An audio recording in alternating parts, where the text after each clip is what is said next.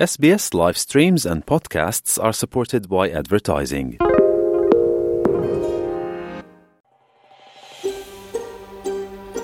Вие сте со SPS на Македонски. Слушнете повеќе прилози на sps.com.au козацрта Macedonian. Слушате прилог со Маргарита Василева на SPS Audio на Македонски. Благаникот Джим Чалмерс испорача рекорден буџетски суфицит од повеќе од 22 милиарди долари прв во последните 15 години. Конечната бројка беше ревидирана од мајскиот буџет благодарение на порастот на даночните приходи и повисоките цени на суровините. Повеќе од прилогот на Пабло Виналес и Рут Макхью Дилен за SBS News.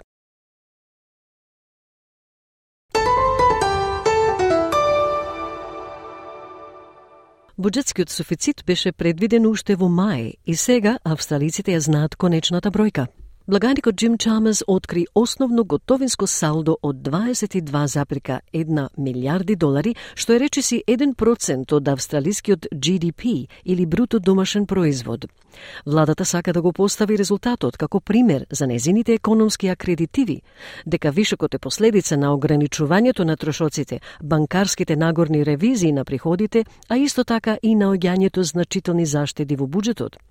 Чамас вели ова не е прв пат владата да добие значително подобрување во приходите, но она што е различно овој пат, вели тој, е што владата одлучи да не ги потроши парите, туку да ги стави во банка, спротивно на некои од одлуките на предходната влада, додава тој. Uh, now this surplus is a consequence of spending restraint, uh, banking upward revisions in revenue, and also finding substantial savings in the budget.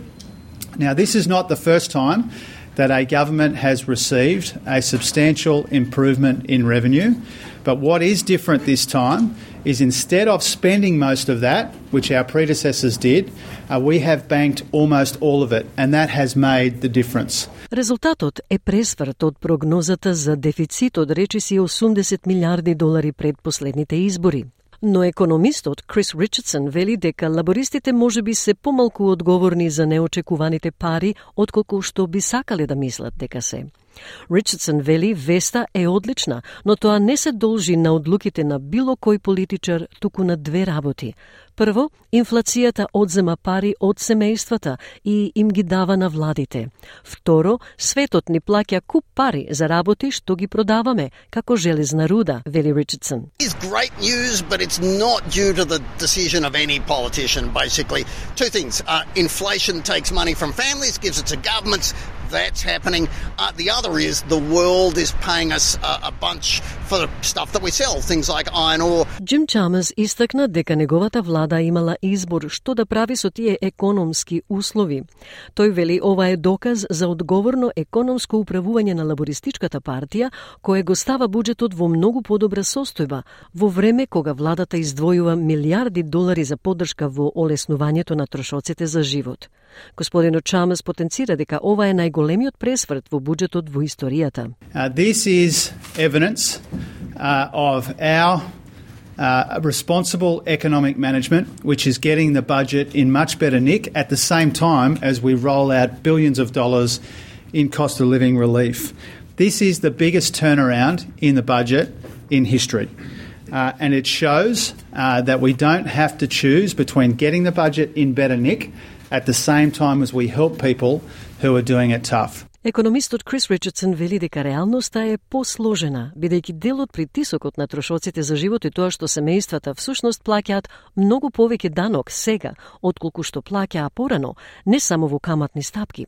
Што значи дека она што е добра вест за владата е делумно лоша вест за семејствата. Part of cost of living pressures is that families are actually paying a lot more in tax uh, than they were, not just in interest rates. Uh, and, and so what's good news for government is in part what is bad news for families. Сепак, економистите веруваат дека постои разумна шанса оваа добра вест да продолжи. Джим Чамас сепак ја минимизира можноста за втор вишок. Now, one of the reasons why you won't see us flogging back in black mugs or doing all the sorts of self congratulation you saw from our predecessors is because we understand a couple of important things. Uh, the surplus isn't an end in itself, it's a foundation. Uh, and also, the pressures on the budget into the future are intensifying rather than easing, and so we know we've got more work to do. Заменик лидерот на опозицијата Сюзен Ли исто така ја избегна можноста за втор вишок, избирајќи да ги остави тие предвидувања на благаникот. Ли вели таа би сакала благаникот да се врати на својата секојдневна работа и да се запознае со начинот на кој бизнисите се справуваат со тешките времиња. I'll leave those predictions to the Treasurer. I'd like him to get back to his day job. I'd like him to engage with Australians and get his head around the way businesses are doing it so incredibly tough and stop pretending that it's good times when really it's pretty tough times. Иако засега е добра вест, се предвидуваат дефицити на долг рок.